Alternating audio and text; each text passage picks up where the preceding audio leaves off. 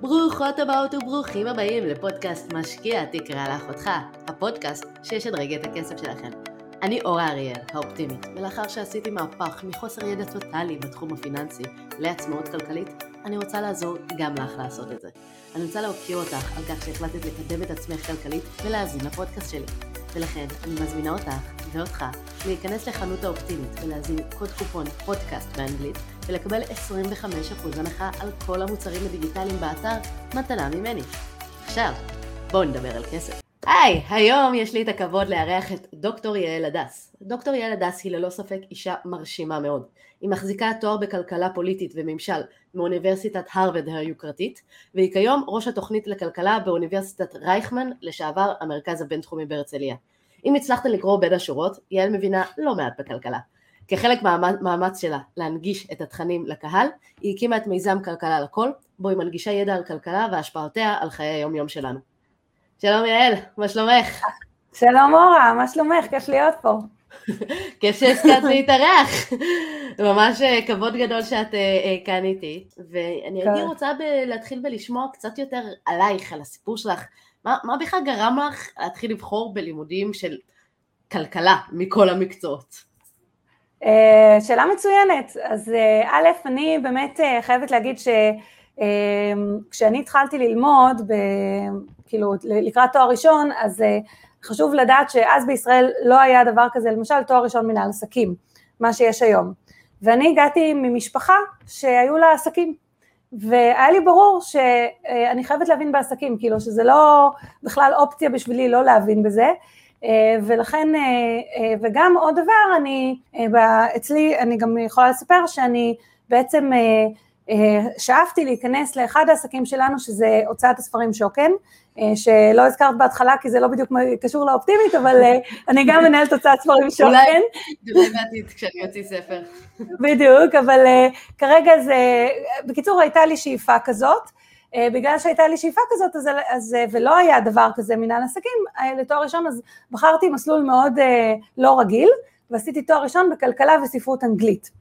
אמ, כן, אה, שזה דרך אגב דבר שאני היום בהוצאת שוקן מאוד שמחה שעשיתי, כי הספרות היא חלק מאוד מאוד אינטגרלי מהמקצוע, אה, אני חיה תמיד בשני עולמות של כלכלה וספרות, אני מאוד אוהבת ספרות ואני גם מאוד אוהבת כלכלה, ואני יודעת לשלב אותם בצורה שאותי מאוד משמחת. אז בשנה הראשונה בכלכלה היה לי קצת קשה, לקח לי זמן להבין את השפה, עד היום אני חושבת שכלכלה זה שפה, זה לא רק אה, ידע, ואני חושבת שאחד הבעיות הכי גדולות, שזה קשור אחרי זה להמשך של כלכלה לכל, זה שלא מלמדים את השפה, ולדעתי כל אחד חייב לדעת את השפה. לי לקח לפחות שנה ללמוד אותה, עד שהתחלתי להבין מי נגד מי, אמ, ובאמת השנה הראשונה באוניברסיטה הייתה לי קשה, אה, מאתגרת, אה, גם בשני החוגים האלה, אבל בסוף השנה הראשונה אני ממש הרגשתי אה, סוג של ביטוי של פעם כזה נפל לי האסימון, הבנתי את השפה, פתאום הבנתי את השפה של הכלכלה. מהרגע שהבנתי אותה, היא נהייתה לי מאוד מאוד קלה. כלומר, פתאום אני הבנתי בדיוק אה, איך להתנהל, כאילו איך להבין את כל הדברים והתכנים שמלמדים אותי, ולכן קרה דבר מאוד מפתיע, זה שאני סיימתי את התואר הראשון בכלכלה במקום בשלוש שנים בשנתיים. אה, פשוט עשיתי המון קורסים, נשארה לי עוד שנה בספרות אנגלית, שאמרתי לך שהייתה לא פחות מאתגרת. ובעצם אה, התוכנית המקורית שלי הייתה לעשות תואר שני מנהל עסקים וללכת לעבוד בעסקים, זאת הייתה התוכנית. אבל מצאתי את עצמי עם זמן, אה, פתאום היה לי זמן, אה, התפנה לי זמן כי גמרתי תואר שלם והיה לי עוד את השנה הזאת באנגלית, ואז באותה עת בחוג לכלכלה להם, הייתה להם מדיניות, הם שמו לב שכל האנשים בורחים למנהל עסקים, כי בכלל שתדעי, כל מי שהולך ללמוד כלכלה, בטח בשנה הראשונה כולם מסבירים, לפחות בתקופה שלי, שהם יהיו מיליונרים, שהם יהיו נורא שהם יהיו זה, אני הייתי יושבת בכיתה ולא מבינה למה הם חושבים שיש קשר בין מה שאנחנו עושים לזה שנהיה מיליונרים, אה, אני לא הבנתי את זה. השטות הכי גדלה. אני מסתכלת על זה גם בלימודים של אה, למשל ייעוץ השקעות, שאנשים הולכים ללמוד את זה וחושבים, אה, אם אני אלמד ייעוץ השקעות, אני אלמד איך אה, להרוויח כסף בבורסה, וכאילו אין דבר הפוך מזה, כלומר זה...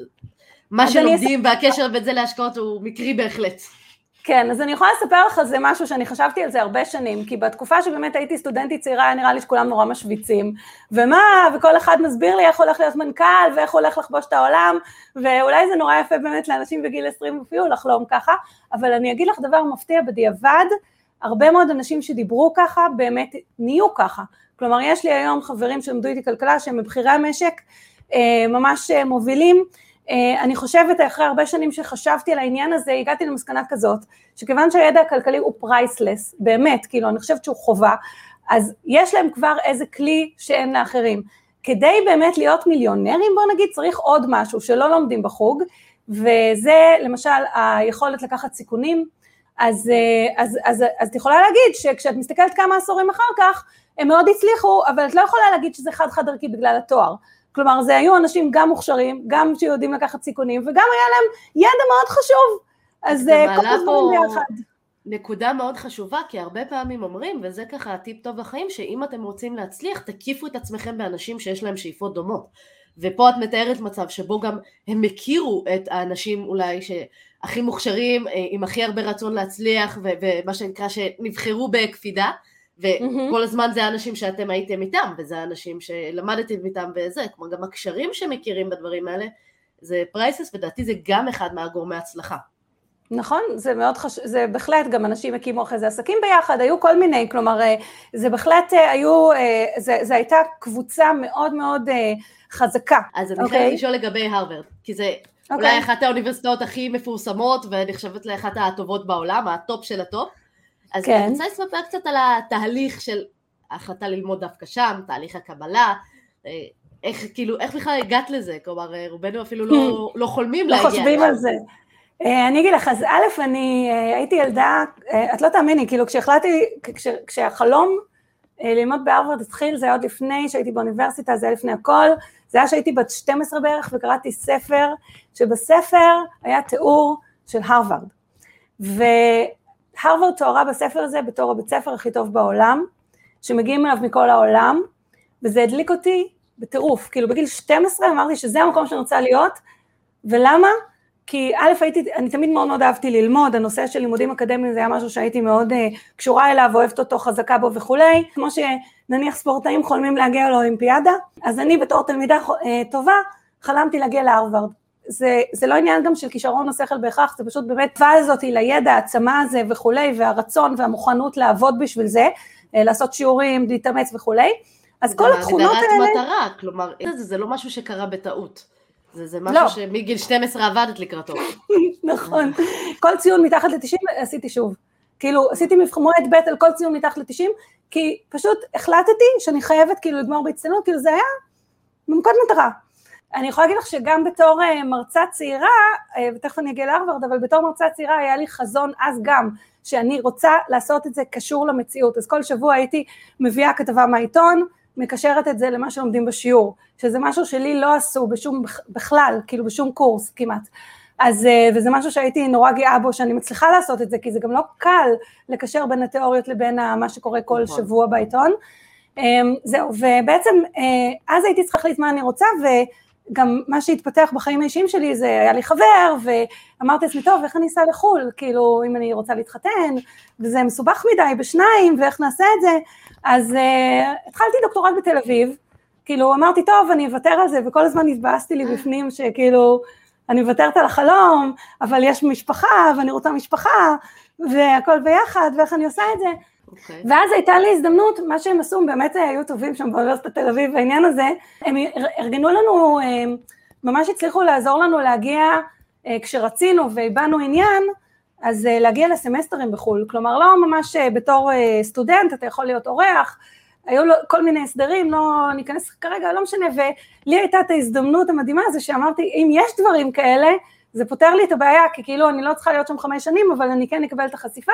אז כשהייתי שם אמרתי, וואלה, אוקיי, אני חושבת שוב, אה, חשיבה מחדש, אה, ואני באמת חושבת שאני שווה לעשות את המאמץ הזה, כאילו, שווה לעשות, איך אני אעשה את זה? בדיוק הייתי אמורה להתחתן, האמת. הייתי נסעתי בדיוק, הייתי אמורה להתחתן. זה דילמה, דילמה מאוד קשה, שאני חושבת שיש להרבה נשים, כאילו, שיש להן שאיפות גבוהות, רוצות להגיע רחוק, ואז זה מגיע בדרך כלל בדיוק בשלב של הזוגיות, של החתונה והכל, ו... כאילו מה שמטריד אותי זה שאני לא שומעת את הדילמה הזאת מגברים אף פעם. אין את הדילמה לגברים, זה הקטע המדהים. גברים חופשי נוסעים, אני אגיד לך גם למה, לדעתי. לדעתי זה גם עניין קשור לשעון ביולוגי, שנשים אה, יודעות שיש להם זמן יותר קצוב בנושא של... אז גברים אומרים, טוב, נו, יאללה, אז חמש שנים אחרי זה אני אתחתן אחר כך, אין בעיה לגברים. אה, זה לדעתי דבר אחד. דבר שני זה באמת הראש הזה של להבין שזה אפשרי, ו, וזה נורא תלוי גם בתקופה. ואני פשוט, זה היה איזה משהו שבער בי כל כך הרבה שנים. היית מאורסת, נכון. ופתאום הלכת להרווארד וגילית, וואלה, זה המקום שלי. אז על... תשמעי, לא ויתרתי על כלום. א', אני אומרת לנשים, נשים לא לוותר על כלום. לא צריך לוותר על שום דבר, צריך לעבוד. עכשיו, מה, מה שעשינו זה היה ככה. חזרתי לארץ, אה, אמרתי גם באמת לבן זוג שלי שזה מה שאני רוצה, זה לא הפתיע אותו דרך אגב, כי אני דיברתי כן. על זה הרבה שנים, כן, לא וזה, עשינו תוכנית איך אנחנו עושים את זה, תראי, הדבר היחיד שחייבים להסדיר, שזה הדבר הקשה, זה בעצם שלשני בני הזוג תהיה תעסוקה, כאילו וזה יכול להיות או תעסוקה שהיא אה, עבודה או שהיא לימודים, אה, אם בן זוג מגיע בלי לעשות כלום הוא מאוד אומלל, כאילו זה, זה, זה לא מצליח, כאילו זה חייב להיות שתהיה תעסוקה, אחר כך שאנחנו שנה שלמה נערכנו לדבר הזה, כאילו, דור, אה, בעלי אה, אז עבד בחברה שלמזלנו התמזגה עם חברה אמריקאית, אה, למרות שהיא התמזגה עם החברה האמריקאית זה לא היה מובן מאליו שהוא יוכל להשתמש באפשרות הזאת לעבור, וזה היה דרש הרבה מאוד בקשות ונימוקים למה הוא צריך לעשות את זה ולא מישהו אחר, וגם מהצד שלי, כאילו אני הייתי צריכה לעבור מבחנים, כאילו המבחנים של אה, להתקבל להרווארד מאוד מאוד קשים. אה, זהו, והקדשנו לזה עבודה, תשמעי, זה, זה הכל עבודה, כאילו אין פה, אין פה, אין פה ניסים. אבל מה שאני אוהב בסיפור הזה, זה שכאילו את מראש בהתחלה אמרת, אי אפשר, הלכת לדוקטורט בתל אביב, ואז ברגע שהגעת לשם, אמרת, אוקיי, אני חייבת לעשות את זה, בוא נראה איך אפשר. וברגע שהתחלת לחשוב על איך אפשר, התחלתם למצוא פתרונות. נכון. וזה אולי סוג חשיבה שאני תמיד מנסה לעודד, שלא לא לחסום את עצמנו מ... אי אפשר לצאת ל- ל- לעצמאות כלכלית, אי אפשר להצליח, אי אפשר אה, אה, לה, להתקבל להרווארד. עובדה, אפשר, צריך פשוט לשאול את עצמנו איך, במקום אה, כן. לחסום את זה מראש. כן, תשמעי, זה, זה לא פשוט, זה גם, יש, יש גם תחרות, כן? אני חושבת שזה, אה, את, אני לא הבחורה היחידה שפתאום אה, אה, החליטה ועשתה, כאילו, יש תחרות, זה, ופה אני אומרת לך חשיבה הכלכלית, כאילו, החשיבה הכלכלית אומרת פה, זה הכל עניין של עלויות, כאילו, נכון. כמה את מוכנה להשקיע, זה זמן, וזה כסף, וזה ויתור על הכנסה, אני חד משמעית, כאילו, זה, את לא מבינה כמה זמן עבדתי על הדברים האלה, כמה זמן הייתי צריכה ללמוד למבחנים האלה וכולי, זה, זה מאמץ, וזה עניין של אלטרנטיבות, כאילו, ואני חושבת שהרבה אנשים פשוט בוחרים את האלטרנטיבות ואומרים, אני לא רוצה לעשות את המאמץ הזה, וזה לגיטימי, כאילו, כן. אנשים אה, בוחרים אה, כל מיני אפשרויות. אוקיי, okay, אז אני רוצה להתקדם כי אנחנו כבר uh, די הרבה זמן בסיפור, אז אני רוצה ככה לשאול קצת יותר על המיזם של uh, כלכלה לכל. Mm-hmm. Uh, איך הגעת אליו, איך זה, ואחר כך נתחיל לדבר קצת יותר על אה, כלכליים ולתת אה, פה ערך למאזינות ומאזינים שלנו בפודקאסט. כן, אז uh, הכלכלה לכל בעצם התחילה מזה שכשאני סיימתי דוקטורט והלכתי לעבוד, אז פתאום גיליתי שיש עולם שלם שאני בכלל לא מכירה. כאילו, אני לא מכירה למשל, אני זוכרת שאפילו מושגים כמו קרן פנסיה וקרן השתלמות וכל הדברים האלה שנכנסים לך לתלוש המשכורת ולקרוא את תלוש המשכורת ולהבין לאן הכסף הולך, פתאום הבנתי שאף אחד לא דיבר איתי על הדברים האלה. ולא הבנתי למה אף אחד לא דיבר איתי על הדברים האלה, כאילו לא הצלחתי להבין כאילו איך זה יכול להיות שאני גמרת דוקטורט בכלכלה ואני לא יודעת את הדברים האלה. באיזשהו שלב שהתחלתי לחקור איך לדעת על הדברים האלה, אז גיליתי שזה עולם אה, שיש הרבה דברים שהם ממש לא נגישים, כלומר אה, גם נושא, למשל הנושא של הפנסיה, בסופו של דבר הלכתי ליועץ ושילמתי הרבה כסף כדי להבין מה קורה בפנסיה שלי. זה ככה, אני רק מספרת לך את התסכול הפרטי שלי. את התסכול הפרטי לא, שלי... לא, אבל מהתסכול הזה נולד המיזם. כן, אז, אז תראי, גיליתי שיש דברים שאני לא אוכל לפתור ואני צריכה אנשי מקצוע, ויש דברים שאני כן יכולה לפתור. למשל, אה, אחד הדברים הנוספים שהדהים אותי זה היה הנושא של הלוואות. אה, כל אדם כמעט מגיע למצב שהוא אה, בישראל לוקח איזושהי הלוואה, משכנתה ולא יודעת מה, כל מיני כאלה. הרבה פעמים אנשים בכלל לא מבינים כמה זה עולה להם. כאילו אומרים להם ריבית, אומרים להם כל מיני סינית עתיקה כזה, פריים פלוס שלוש, ואומרים להם את זה ללא יודעת מה, ל-25 שנה, אז כמה זה בשקלים, וכמה זה ישתנה אם הריבית תשתנה, וכמה, ו, והמון דברים, כאילו המון מידע שאתה צריך כדי לקבל את ההחלטה אם אתה לוקח את ההתחייבות הזאת או לא, הוא לא נגיש, הוא לא מובן. אז כי יש אינטרס שהוא לא יהיה מובן. אז זה לא בסדר, אז אני... למה לך את הדברים האלה? אז אני נגד האינטרס הזה, בדיוק, אז אני ואז אני אומרת, אוקיי, אני פה באקדמיה, זה מה שכיף באקדמיה, באקדמיה אתה נטול אינטרסים, אתה פשוט בא ואתה אומר, זה הידע, כאילו הידע הוא שאנשים חייבים להבין כמה עולות ההלוואות שהם לוקחים, בדיוק כמה שהם צריכים להבין כמה משלמים על לחם בסופר. כאילו לא יכול להיות שהם לא יבינו דברים כאלה, כי זה הרבה יותר מהלחם בסופר. ואנשים יתווכחו לך, יש מלא מחקרים, שיתווכחו לך על מחיר של אוטו ועל מחיר של דירה ועל מחיר של זה, על הלוואות הם לא יודעים בכלל להתחיל, אה, אז הם סומכים על הבנק. אז אני ראיתי את כל הדברים האלה, נראה לי לא תקין, ואמרתי לעצמי, טוב, איך אני אתחיל לעשות עם זה משהו, כאילו, באמת, כאילו, זה, זה, זה, זה, זה, זה שדה בתולי, זה לא שיש פה איזה אה, משנה סדורה, זה לא כמו שלמשל בכלכלה תמיד מאוד הקפדתי, אני עומדת מול כיתה, אני מצטטת מחקרים שפורסמו במקומות הכי טובים, שכבר מישהו בדק אותם, שזה משהו אמין, ולא כל מיני רעיונות אה, אקראיים כאלה.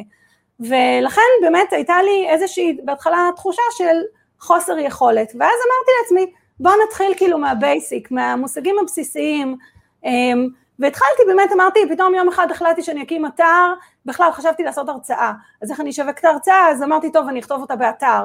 אז לימדתי את עצמי וורדפרס, ואחרי איזו תקופה הבנתי לעצמי שאני לא טובה בזה, ושאני חייבת איש מקצוע, אז באיזשהו שלב לקחתי אה, אשת מקצוע ושילמתי לה, תבינו את קילין שהיא תעשה לי אתר כמו שצריך, אבל את יודעת מה? האתר הראשון אני בניתי לבד, זאת אומרת זה נגיש למי שרוצה משהו, כאילו יש איזה בסיס.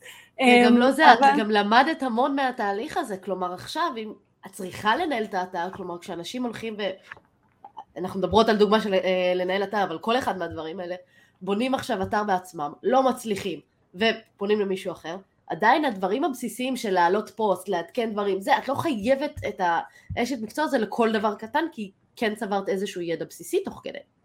נכון, אז אה, בדיוק, אז, אז אה, בוא נגיד ככה, תראי, אני למדתי בחיים שלא הצטערתי על שום דבר שהשקעתי בו זמן ו, ולימוד. אז אמרתי, טוב, נתחיל, אז התחלתי, את יודעת, להסביר דברים בסיסיים, ריבית דריבית, ומה זה אינפלציה, אנשים לא מבינים מה זה אינפלציה, כאילו הם יודעים שאינפלציה זה רע, אבל זה לא מבינים את ההשפעה. אז בואי ניקח את ההזדמנות הזאת ונדבר קצת על המושגים האלה.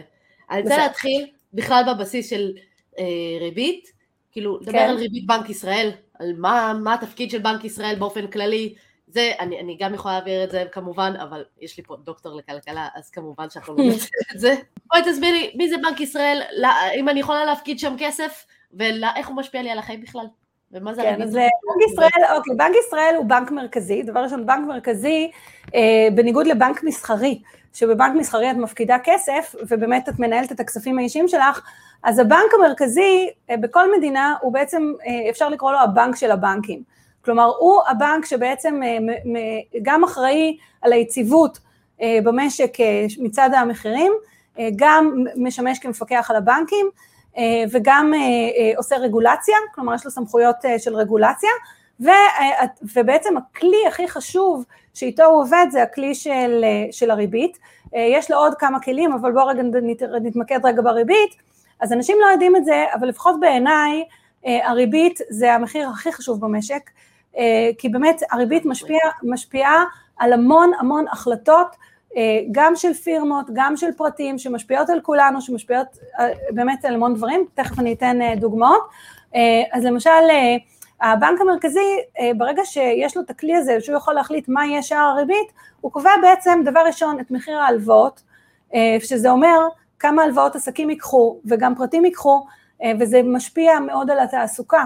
כי אם אה, יש אה, למשל חברה שפתאום יש לה כסף נזיל שהיא לקחה בהלוואה, היא יכולה לשכור עובדים, לייצר מוצרים, למכור אותם, בכסף הזה להחזיר את ההלוואה ולהמשיך לייצר, אז בעצם את תרמת לתעסוקה. אז, אז לכן, אז לכן אה, הריבית היא דבר ש... וגם זה יכול להיות הפוך, כלומר אם תעלי את הריבית וההלוואה תתייקר, חברות יחליטו, טוב, אנחנו לא ניקח את ההלוואה הזאת, אז אנחנו לא נייצר כל כך הרבה, אנחנו נשפיע על התעסוקה. אז זה ממש יכול להשפיע על רמת האבטלה במשק. אז בהחלט, האמת שאני אוהבת להתייחס לריבית כמחיר הכסף. כלומר, כן. האם הכסף הוא יקר או זול, לפי האם הריבית גבוהה או נמוכה. היום הריבית היא 0.1 זה נכון לספטמבר 2021, אה, וזה נכון להרבה זמן גם לפני כן, mm-hmm. וזה אומר 0.1 זה ריבית מאוד זולה, זאת אומרת שהכסף מאוד מאוד זול, אז ההלוואות שאנחנו ניקח גם יהיו מאוד זולות. נכון, זה מאוד משפיע, ובהחלט, עכשיו בנק ישראל בעצם, יש לו, אם תסתכלי אפילו באתר שלו, מה המטרות שלו, אז המטרות שלו זה יציבות מחירים מצד אחד, כלומר שלא יהיה פה אינפלציה משוגעת, כמו שהייתה למשל בשנות ה-80 של 400 אחוז בשנה, שזה סיוט לחיות ככה, כלומר מצב שכל הזמן מחירים עולים ואם אתה, השכר שלך נשאר קבוע אתה צריך לצרוך פחות ופחות, אז זה דבר אחד, יציבות מחירים, והדבר השני, התעסוקה. בגלל שההחלטה כל כך קריטית לכמה תהיה התעסוקה, כמה אבטלה, כמה אה, באמת אה, יהיו מועסקים, אז בנק ישראל בפירוש בהחלטות שלו יודע שהוא משפיע על התעסוקה, ולכן הוא תמיד צריך בעצם לעשות איזשהו בלנס, אה, כי כשבנק ישראל מעלה את הריבית, זה בדרך כלל מדכא עליות מחירים, אה, זה בדרך כלל אה, פועל כנגד אינפלציה, והופך אותנו למצב שנהיה במצב שכאילו יהיה לנו יותר טוב מבחינת רמת המחירים, בד בבד הוא יכול לפגוע בתעסוקה. אז בגלל זה זה בלנס מאוד מאוד עדין, אה, ולכן ההחלטה הריבית היא כל כך דרמטית, אה, ובאמת כל חודש מתכנסת אה, ועדה שמחליטה על הריבית ומשחררת הודעה לעיתונות מה תהיה הריבית במשק ואם היא כן תעלה או לא תעלה, התקשורת של ההחלטה הזאת היא נורא חשובה, כי עסקים משנים את ההחלטות שלהם, ותחשבי שאם עסק קטן משנה את ההחלטות, אבל תכפילי אותו במיליוני עסקים, זה משפיע על כל המשק. זה משפיע ו... גם על עולם ההשקעות, ואני חושבת שאולי הדוגמה הכי טובה והכי קלה לאנשים להבין, זה דווקא עולם הנדל"ן. כן. עצם זה שהריבית במשק הייתה מאוד מאוד נמוכה, זאת אומרת שהכסף היה מאוד זול במשך שנים, זה אחד הגורמים, זה כמובן לא הגורם היחידי, אבל זה אחד הגורמים לעליית המחירים הדי משוגעת שהייתה בנדל"ן בישראל, כי הריבית מאז 2008 ירדה וירדה וירדה. זאת אומרת mm-hmm. שהכסף נהיה יותר זול, ההלוואות נהיו יותר זולות, וזה אה, אומר שלאנשים, יותר אנשים יכלו להרשות לעצמם לקנות עכשיו דירה, לקחת mm-hmm. משכנתה, ואז המחירים עלו כי יש יותר אה, ביקוש וההיצע לא יותר מדי השתנה. נכון. ואחד הדברים שיקרו אם בנק ישראל החליט כן להעלות את הריבית, אם פתאום הריבית תעלה מ-0.1% ל-5%, מה שכמובן בחיים לא יקרה, אבל אם יחליטו לעשות את זה, בבת אחת... never say never, בשנות ה-90 היא הייתה 18%, אבל זה לא יקרה בבת אחת. לא, זה לא כן. לא בבת אחת, זהו, אבל באמת כן. מה שיקרה זה שהמשכנתאות של האנשים יעלו פתאום בבת אחת, אנשים יכולים להתחיל לשלם פתאום עוד אלף, אלפיים, שלושת אלפים שקל אה, לחודש על זה, וזה, כלומר, יודעים שזה ישפיע מאוד על שוק הנדל"ן, שהוא... גם מאוד מאוד רגיש, יודעים שהרבה אנשים לקחו הלוואות שלא בהכרח יכולים להחזיר, אה, היום רוב המשכנתאות גם השכירות לא מכסה אותם, אז יהיה לאנשים מאוד מאוד קשה להתמודד, וזה ככה סתם איזשהו פן אחד של הריבית של בנק ישראל, איך היא משפיעה, אבל שוב במונח הפרקטי אה, של איך זה משפיע על, היום, יום שלנו.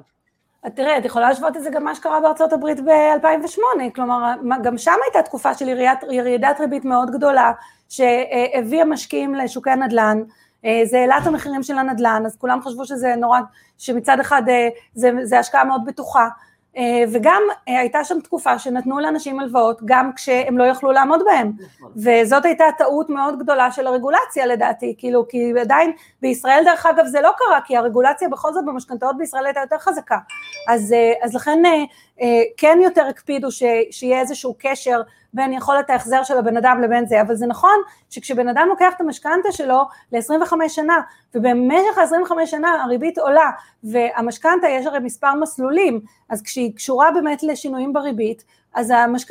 אז התשלום החודשי שלו עלול להשתנות, ובהחלט זה דבר שמשפיע על כולנו, ולכן בעיניי כך חשוב שתהיה השכלה, השכלה פיננסית, כדי להבין את זה, כדי לעשות סימולציות, כדי להבין באמת, אוקיי, אם הריבית עולה באחוז, כמה יעלה לי התשלום החודשי? למשל, סתם לקבל החלטה מושכלת, זה לא סתם, לקבל החלטה מושכלת, להבין באמת משמעית. על מה מדובר. שאני רוצה להסביר את הקללה של הפריים, כי זה גם משהו שנשמע לאנשים ככה כמו סינית, אבל ברגע שמבינים מה זה ריבית בנק ישראל אפשר להבין מאוד בקלות מה זה הפריים. אה, כן, אה, תראי, פריים אה, זה בעצם ריבית שלוקחת את מה שבנק ישראל קבע, שהיום זה באמת 0.1, ואז יש עוד אה, אה, דבר שקוראים לו, בישראל קוראים לזה מרווח, באנגלית אם תחפשים יגידו לכם זה פריים, זה כאילו הלווים בלי הסיכון בכלל, אה, שבעצם הבנקים אומרים, טוב, אם אני לוקח ריבית, לוקח הלוואה מבנק ישראל, אני משלם איזושהי ריבית, ואני מוסיף לזה 1.5 אחוז, שזה המרווח שהיום קבוע בישראל, ה-1.5 אחוז הזה, שזה בעצם, מכאן אנחנו בעצם מתחילים, כלומר, בדרך כלל היום ההלוואות נקובות בפריים פלוס איזשהו מספר, שפריים זה בעצם 0.1 נכון לתאריך של היום של המשדר שלנו, שזה מה שבנק ישראל קבע, אם בנק ישראל ישנה את זה, אז המרכיב הזה ישתנה, תוסיפי את המרווח של האחד וחצי, ויש לך את ריבית הפריים. אז, אז, אז זה בעצם... נכון היום זה 1.6 אחוז, כשאומרים לי נכון. ריבית פריים היא 1.6 אחוז, אם עכשיו הריבית תעלה אז זה יהיה יותר גבוה, אם הריבית איכשהו תרד, לא יודעת לאן, אבל אם היא תעשה את זה, אז הריבית, זה יותר בדיוק, נמוך. הריבית של בנק ישראל. אם הריבית כן, של בנק של ישראל בנק תשתנה, נכון. היא תשפיע על, על ריבית הפריים, חד משמעית, ואז אה, באמת זה ישנה את התשלום החודשי, כי כאילו אה, אה, פתאום השתנו התנאים. דרך אגב, זה אחת הסיבות שבאמת בעבר הבנקים מאוד נמנעו מלהגיד לך מה יהיה התשלומים העתידיים לכל התקופה, הם היו אומרים לך, טוב, יש לך לוח סילוקין, נכון להיום, אבל נכון, הוא יכול להשתנות. הם לא יכולים לדעת. הם לא יכולים לדעת, בדיוק. אז גם זה, אני חושבת שאנשים חייבים להבין גם את המשמעויות ואולי לתקשר להם את זה אחרת, שבאמת אה, אה, מה יקרה אם זה יעלה באחוז, או מה התוספת של כל אחוז, פשוט שיהיה אפשר לקבל החלטות אה, מושכלות. אני, מה שאני לא אוהבת זה מצב שאני צריכה לסמוך על מישהו אחר, וזה, וזה מה, ש, מה שכואב לי. גם אנשים הם מספיק חכמים, יש לנו בישראל בכל זאת השכלה וידע, ואנחנו עם שיודע לחשוב, ותנו לו פשוט את המידע, תנו לו באמת את המשמעות של על מה הוא חותם, ואני חושבת שזה יעזור לקבל החלטות יותר טובות. אני איתך. אה, אנחנו דיברנו כמה פעמים, הזכרנו את המונח אינפלציה, חשוב לי להגיד, לא להתעכב על זה, אינפלציה זה פשוט עלייה ביוקר המחיה. אם צריך לתרגם את זה לשפה הכי פשוטה, משהו שכולנו אנחנו מבינים. וזו שאלה שאני מקבלת הרבה, אה, זה גם כתוב mm-hmm. באתר של בנק ישראל. בנק ישראל אומר שהם שומרים על יציבות המחירים, ויש להם יד לאינפלציה, כלומר לעלייה ביוקר המחיה, של בין אחוז לשלושה אחוז לשנה, אוקיי? וזה אחת השאלות שאני כל הזמן מקבלת, למה שבנק ישראל בכלל ירצה עליית מחירים? למה הם מנסים כן. לדפוק אותנו? הם לא מנסים לדפוק אותנו, לא צריך להגזים, חס וחלילה, כן. לא, אה, א', את צודקת, זה נורא מבלבל. כי מלמדים אותנו שבעצם אה, אם המחירים לא יעלו, מצבנו לא יורע. אמ, אם יהיה לנו משכורת גבוהה והמחירים קבועים, אז אנחנו נוכל להמשיך את הצריכה שלנו. יש לנו בעצם, בעצם גם בואו נחשוב על מה בכלל, למה מעניינים אותנו המחירים, הרי המחירים עצמם הם לא מעניינים אותנו, מה שמעניין אותנו זה מה אנחנו יכולים לקנות, אה, ומה היכולת צריכה שלנו. מה שקורה זה שכשהמחירים סטטיים לגמרי ולא זזים, יש לזה עוד השפעה, כלומר מצד אחד זה טוב לצרכן, כי הוא לא סובל מעליית מחירים, אבל זה פחות טוב ליצרן. אה, היצרן, אה, אומרים שאם יש עליית מחירים קטנה, אז זה מתמרץ אותו, תחשבי על זה, זה כאילו, כאילו פוטנציאל עליית משכורת. כאילו אם, אני. אה, כאילו אם אני מייצר אותו דבר, פתאום אם אני אתאמץ ואני אייצר ואני אעבוד, אז כאילו אני אוכל להרוויח יותר. אז לכן כאילו אומרים, אם זה יהיה לגמרי סטטי, אז יש לך פה בעיה בתמריצים של היצרן. בתמריצים של הצרכן בהחלט הכי טוב לנו אפס, כאילו אין שאלה. דרך אגב, אפילו דפלציה, שזה מצב של ירידת מחירים, זה גם לא תמיד טוב, זה גם אה, נושא בפני עצמו. ברוב המקרים לא טוב. לא, הייתי יכולה להגיד, אם יש דפלציה, יופי, אז כאילו אה, אני יכולה לקנות יותר באותו סכום, אבל לא, כי כשיש דפלציה, אז העסקים מרוויחים פחות, מתחילים לפטר עובדים, אה, יכול להיות מצב של... אז יש לפחות אנשים לקנות, הכנסה, כן. ו... זה, וזה בהחלט, אה, אנשים לא מבינים את זה. אחד הדברים שאני אוהבת להגיד לאנשים זה, שואלים למה צריך את העליית מחירים הזאת וזה, אני אומרת להם, הייתם מוכנים לעבוד באותו מקום במשך שנים בלי לקבל איזושהי העלאת שכר? אה, אוקיי, ומאיפה העלאת השכר הזה תגיע? כן. כלומר, כן צריך למכור בקצת יותר יקר, כן צריך לשפר את השירות, להתגבר על תחרות, הכל, אבל גם באיזשהו מקום. העליות של השכר לאט לאט מגיעות גם מהמקום הזה. אה, וזה ככה, שוב, כשמקשרים את זה לחיים האמיתיים שלנו, וואלה, כן, אני רוצה גם שתהיה לי עליית מחירים בשכר, אז אנחנו, זה כן משהו שאנחנו רוצים כחברה. כן, אז אה, כן, אז לכן אה, באמת בעניין הזה, באמת אפשר להגיד, זה בעצם הסיבה ליעד הזה, שהוא נמוך, הוא לא גבוה, כי זה משהו שגם אם זה יעלה, זה לא יהיה כל כך דרמטי על ה... יכולת אה, קנייה של הצרכן. עכשיו גם את צריכה להבין, כאילו כשאנחנו מדברים על יוקר המחיה, על מה אנחנו בכלל מדברים, מה זה יוקר המחיה ואיך מודדים אותו. אז אה, פה נכנס באמת המושג הזה שקוראים לו מדד המחירים לצרכן, שזה בעצם עלות של סל מוצרים אה, שנמדדת אותו סל מוצרים על פני זמן, ורוצים לראות אם את אותו סל מוצרים שהגדרנו, עם הזמן אנחנו צריכים להוציא יותר כסף כדי לקנות אותו. עכשיו, אה, הסיפור הזה של המדידה הזאת של שר המוצרים הוא סיפור נורא מורכב, כי א', לאורך השנים לפעמים משתנים המוצרים, לפעמים משתנים האיכות של המוצרים, את יודעת, מחשב של היום זה לא מחשב של פעם, אה, מחשב, אה, את יודעת, ביתי, אז יש לך כל מיני דברים שלא תמיד נכנסים לחישוב של המדד, וזה באמת מקום להרבה שיח ושיג אקדמי של מה צריך להיות באמת, איך זה צריך להימדד וכולי, אבל נכון להיום הלשכה המרכזית לסטטיסטיקה עושה מספר, מדי מספר שנים סקר על מה אנשים מוצאים את הכסף, איך, איך נראה סל הוצאות של משפחה, ולפי זה קובעים מה יהיה המוצרים ומה המשקל שלהם בסל, ולפי זה הם בעצם עושים מין סל ממוצע כזה, שמייצג ממוצע, הוא מייצג כן. את המשפחה הממוצעת עם המספר האנשים הממוצע וכולי. אז אוקיי, זה משתמשים. עכשיו זה בעצם מודד את העלייה או הירידה ביוקר המחיה, המדד נכון. המחירים לצרכן, הוא בודק כמה מחירים עלו או ירדו, זה באמת מה שמשנה לי, לא מה המספר של המדד עצמו. אה, ואחד mm-hmm. הדברים שאין כל כך הרבה במדינות אה, אחרות, אבל הוא כן נמצא בישראל, אה, אחד מהלקחים מהאינפלציה של שנות ה-80, זה הדבר הזה שנקרא הצמדה למדד. כן. כשאנחנו מדברים על הלוואות או על משכנתאות, יש הצמדה למדד, ואחד הדברים שאני נטרפת מהם, שאני זוכרת שכש... קלטתי את זה ושלמדתי אמרתי רגע, בנק ישראל בא ואומר יש לי יד בין אחוז לשלושה אחוז לשנה להעלות את המחירים, כן? אני רוצה אינפלציה של אחוז, בין אחוז לשלושה אחוז ובעצם הצמדה למדד מצמיד את יוקר המחיה, זאת אומרת שאם יש לי משכנתה עכשיו ל-20-30 שנה והיא צמודה למדד, שזה, אנשים אומרים וואלה שם יש את הריביות הכי זולות, אז, אז זה אומר ש... יש סיכוי לא רע אם בנק ישראל יעשה את העבודה שלו כמו שצריך והכל יקרה כמו שהוא רוצה, שהמשכנתה שלי, הסכום שאני צריכה לשלם, יעלה בין אחוז לשלושה אחוז לשנה. לקחתי מיליון שקל משכנתה, בין אה, אחוז לשלושה אחוז מזה יעלה כל שנה בנוסף לריבית, בלי קשר לזה.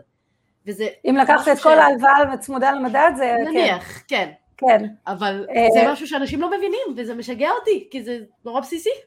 תשמעי, זה, זה כל העניין, הרי אנשים כאילו באמת לא מצליחים, זה, על זה אני מדברת כשאני אומרת לא מבינים את העלות, כי העלות זה אומר שאתה צריך להבין ב, אה, למה הצמדת את זה, כי בעצם את כל הזמן יש לך איזה שהם, יש דבר כזה נניח ריבית קבועה, שאומרת טוב, מי שנותן אותה היא בדרך כלל הכי גבוהה, כי כאילו אומרים טוב, אה, בריבית הזאת אני כבר אומר אוקיי, מה הציפיות שלי לאינפלציה, מה הציפיות שלי לריבית אה, של בנק ישראל וכולי וכולי, ויש לך את כל הריביות היותר נמוכות פלוס, נניח פלוס אינפלציה או פריים פלוס, שפה בעצם יש לך נעלם, ואת לא יודעת מה הוא יהיה, והבנקים אומרים לך, אה, טוב, כשנדע מה הוא יהיה, אז אנחנו נגבה ממך את הכסף, ואנשים פשוט לא מבינים את המשמעות השקלית של הדבר הזה, וזה בדיוק המקום שכל כך חשוב להסביר את זה, ואז באמת להחליט אם אתה רוצה או לא רוצה, וכמה אתה מוכן לשלם, ואם אתה מוכן לשלם לדוגמה את הריבית הקבועה שהיא יותר גבוהה, ו- ואתה אומר לעצמי, ויש לי שקט מהדבר הזה, ולא עולה לי ולא שום דבר.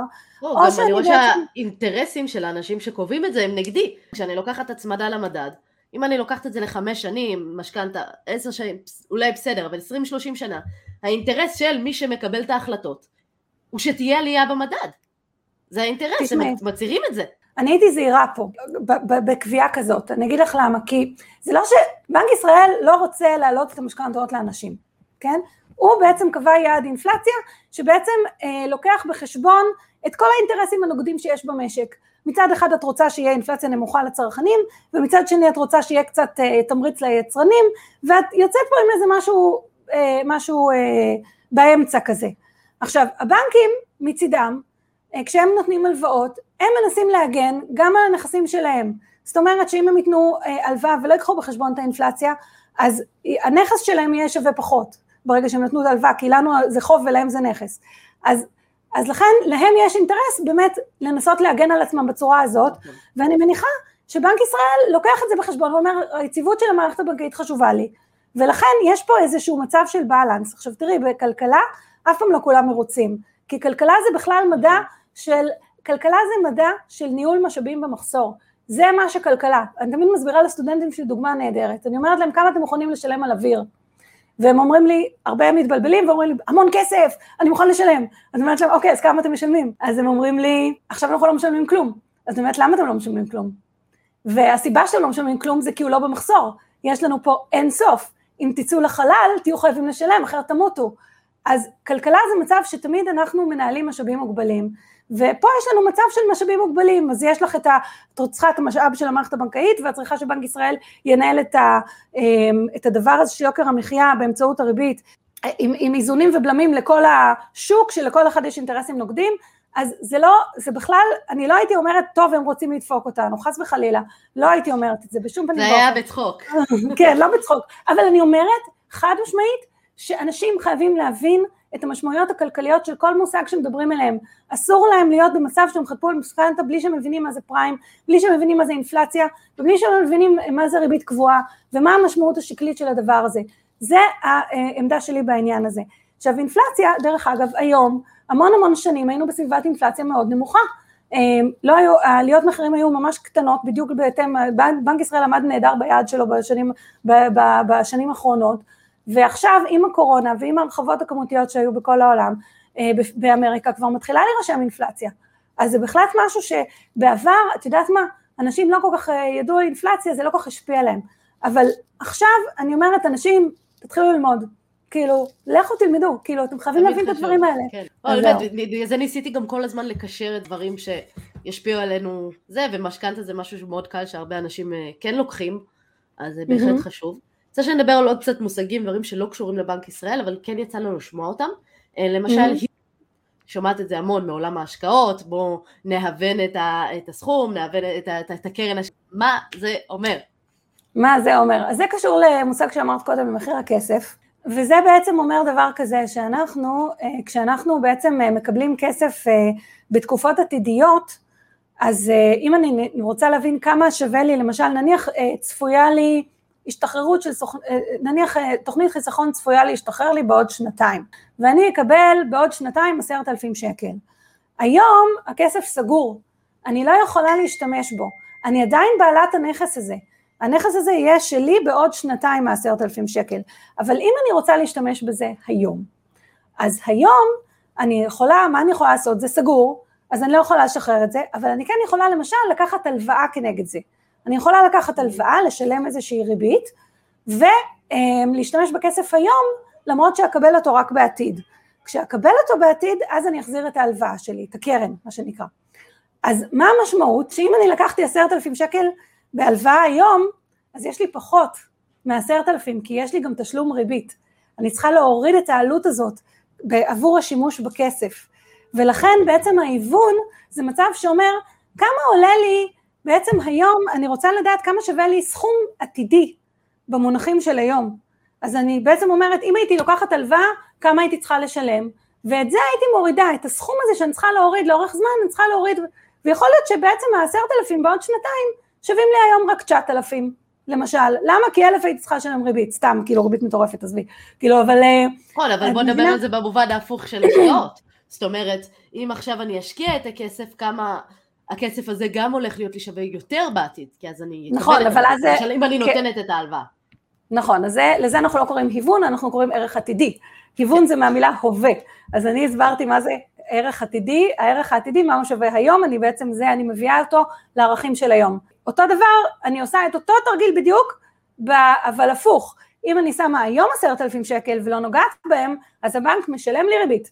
עכשיו היום הריבית היא כל כך נמוכה כן. שזה כאילו גרושים, אבל בואי נחשוב על פעם שהיה ריבית, גם בישראל היו תקופות כמו שאמרתי לך 18 אחוז, 10 אחוז, היו, היו ריביות נורמליות, אז הייתי יכולה לקבל 10 אחוז, אז עשרת אלפים שהיית שמה היום, לעוד שנתיים, אז אה, אפילו בוא נעשה את זה פשוט, לעוד שנה, אז היית מקבלת בעצם עוד אלף שקלים, אה, שזה בעצם תוספת, הערך העתידי שלך היה יותר גבוה באלף שקלים, כי היית מקבלת את התוספת ריבית הזאת. אז בעצם מה שאנחנו רוצים להגיד זה, זה שלכסף יש ערך על פני, או ערך שונה על פני זמן. Mm-hmm. אם הוא, אם, הוא, אם הוא יגיע אליי רק בעתיד הוא שווה פחות היום, אם אני אקח אותו היום וישקיע אותו, וישקיע אותו במשהו נושא ריבית או נושא תשואה, אז הוא יהיה שווה יותר, יהיה לי יותר ממנו, ממה שהשקעתי. אז לכן הערכים האלה, המעבר הזה בין הווה לעתיד, הוא מאוד מאוד חשוב כשאנחנו מדברים באמת על איזושהי התנהגות כלכלית לאורך זמן, גם אם זה בנושא של הלוואות וגם אם זה בנושא של השקעות. כן, זה הסבר מעולה. כל מה שאמרתי לך עכשיו זה הנחה שהמחירים לא ישתנו. אם המחירים עוד משתנים לך באמצע, זה משפיע עוד על הערך של, כי אם נניח אה, שמתי היום עשרת אלפים והייתה לי ריבית מטורפת של עשרה אחוז שלא קיימת היום במשק, וקיבלתי אלף, אבל הייתה לי אינפלציה של חמש, אז קיבלתי רק חמש, כי, כי רק חמש, רק חמש מאות. נכנסות לעוד, אה, לעוד שתי קללות נוספות, ריאלי כן. ונומינלי. נכון. אה, שאם אנחנו מכניסות את הערך של אינפלציה, אז בעצם יש לי את הערך יש לי שטר של 100 שקל ויש לו מצד כן. אחד ערך ריאלי ומצד שני ערך נומינלי. בהחלט, כלומר אה, אה, מה זה הערך הריאלי והנומינלי, מה ההבדל ביניהם? ההבדל הוא בעצם שיש לי, כתוב לי, הנומינלי זה תמיד מה שכתוב על השטר, נניח אם יש לי 100, זה הנומינלי, זה ה-name, זה, זה כמו, כמו השם שלו, זה כאילו, זה מה שיש לי נומינלית. כמה הדבר הזה שווה, אם היום אני יכולה ב-100 שקל לקנות חולצה שעולה 100 שקל, בעוד שנה תהיה לי אינפלציה של 5%, אני לא אוכל באותו 100 שקל לקנות uh, חולצה של 100 שקל, אני אצטרך, כאילו, גם, כי המחיר של החולצה יעלה, אז אני לא אוכל. 105 שקלים. הוא יהיה 105 שקלים, פתאום אני לא יכולה לקנות אותו. אז, אז, אז זה מצב שכאילו, באמת, ת, uh, יש לי שינוי בערך הריאלי של הכסף, בגלל, כבר היה לי שינוי במחירים, שבעצם אומר שהערך הערך האמיתי של אותו שטר שלנו, הוא לא בהכרח מה שכתוב עליו. כלומר כתוב עליו את הנומינלי, הערך שלו זה כמה אני יכולה לקנות ממנו, אה, והכמה אני יכולה לקנות ממנו מאוד תלוי במחירים. הדוגמה שאני אוהבת לתת זה נניח ששמתי שטר מתחת למיטה, אה, שטר של 100 שקלים, אה, והערך הנומינלי שלו כמובן כמו שאמרת נשאר אותו הדבר, אבל עברו עכשיו חמש שנים, בינתיים הייתה עלייה ביוקר המחיה, אם הייתי נכנסת עם השטר הזה לסופר לפני חמש שנים, הייתי יכולה לקנות הרבה יותר, הייתי יכולה למלא את העגלה, היום במאה שקל, שתיים שלושה פריטים, והגעתי למאה שקלים האלה. אז... אה, בדיוק. זה, אה, אה, זה בדיוק הערך הריאלי, כלומר ריאלית מבחינה מציאותית אני יכולה לקנות עם השטר הזה של המאה שקלים פחות. וזה החלק שצריך להבין. שוב שני קללות ככה שמשתמשים בהם אבל ברגע שמבינים את המושגי בסיס הכל נהיה ומדברים את השפה כמו שאת אוהבת להגיד. בדיוק זה הכל שפה. זה, זה הכל שפה. זה מה ש...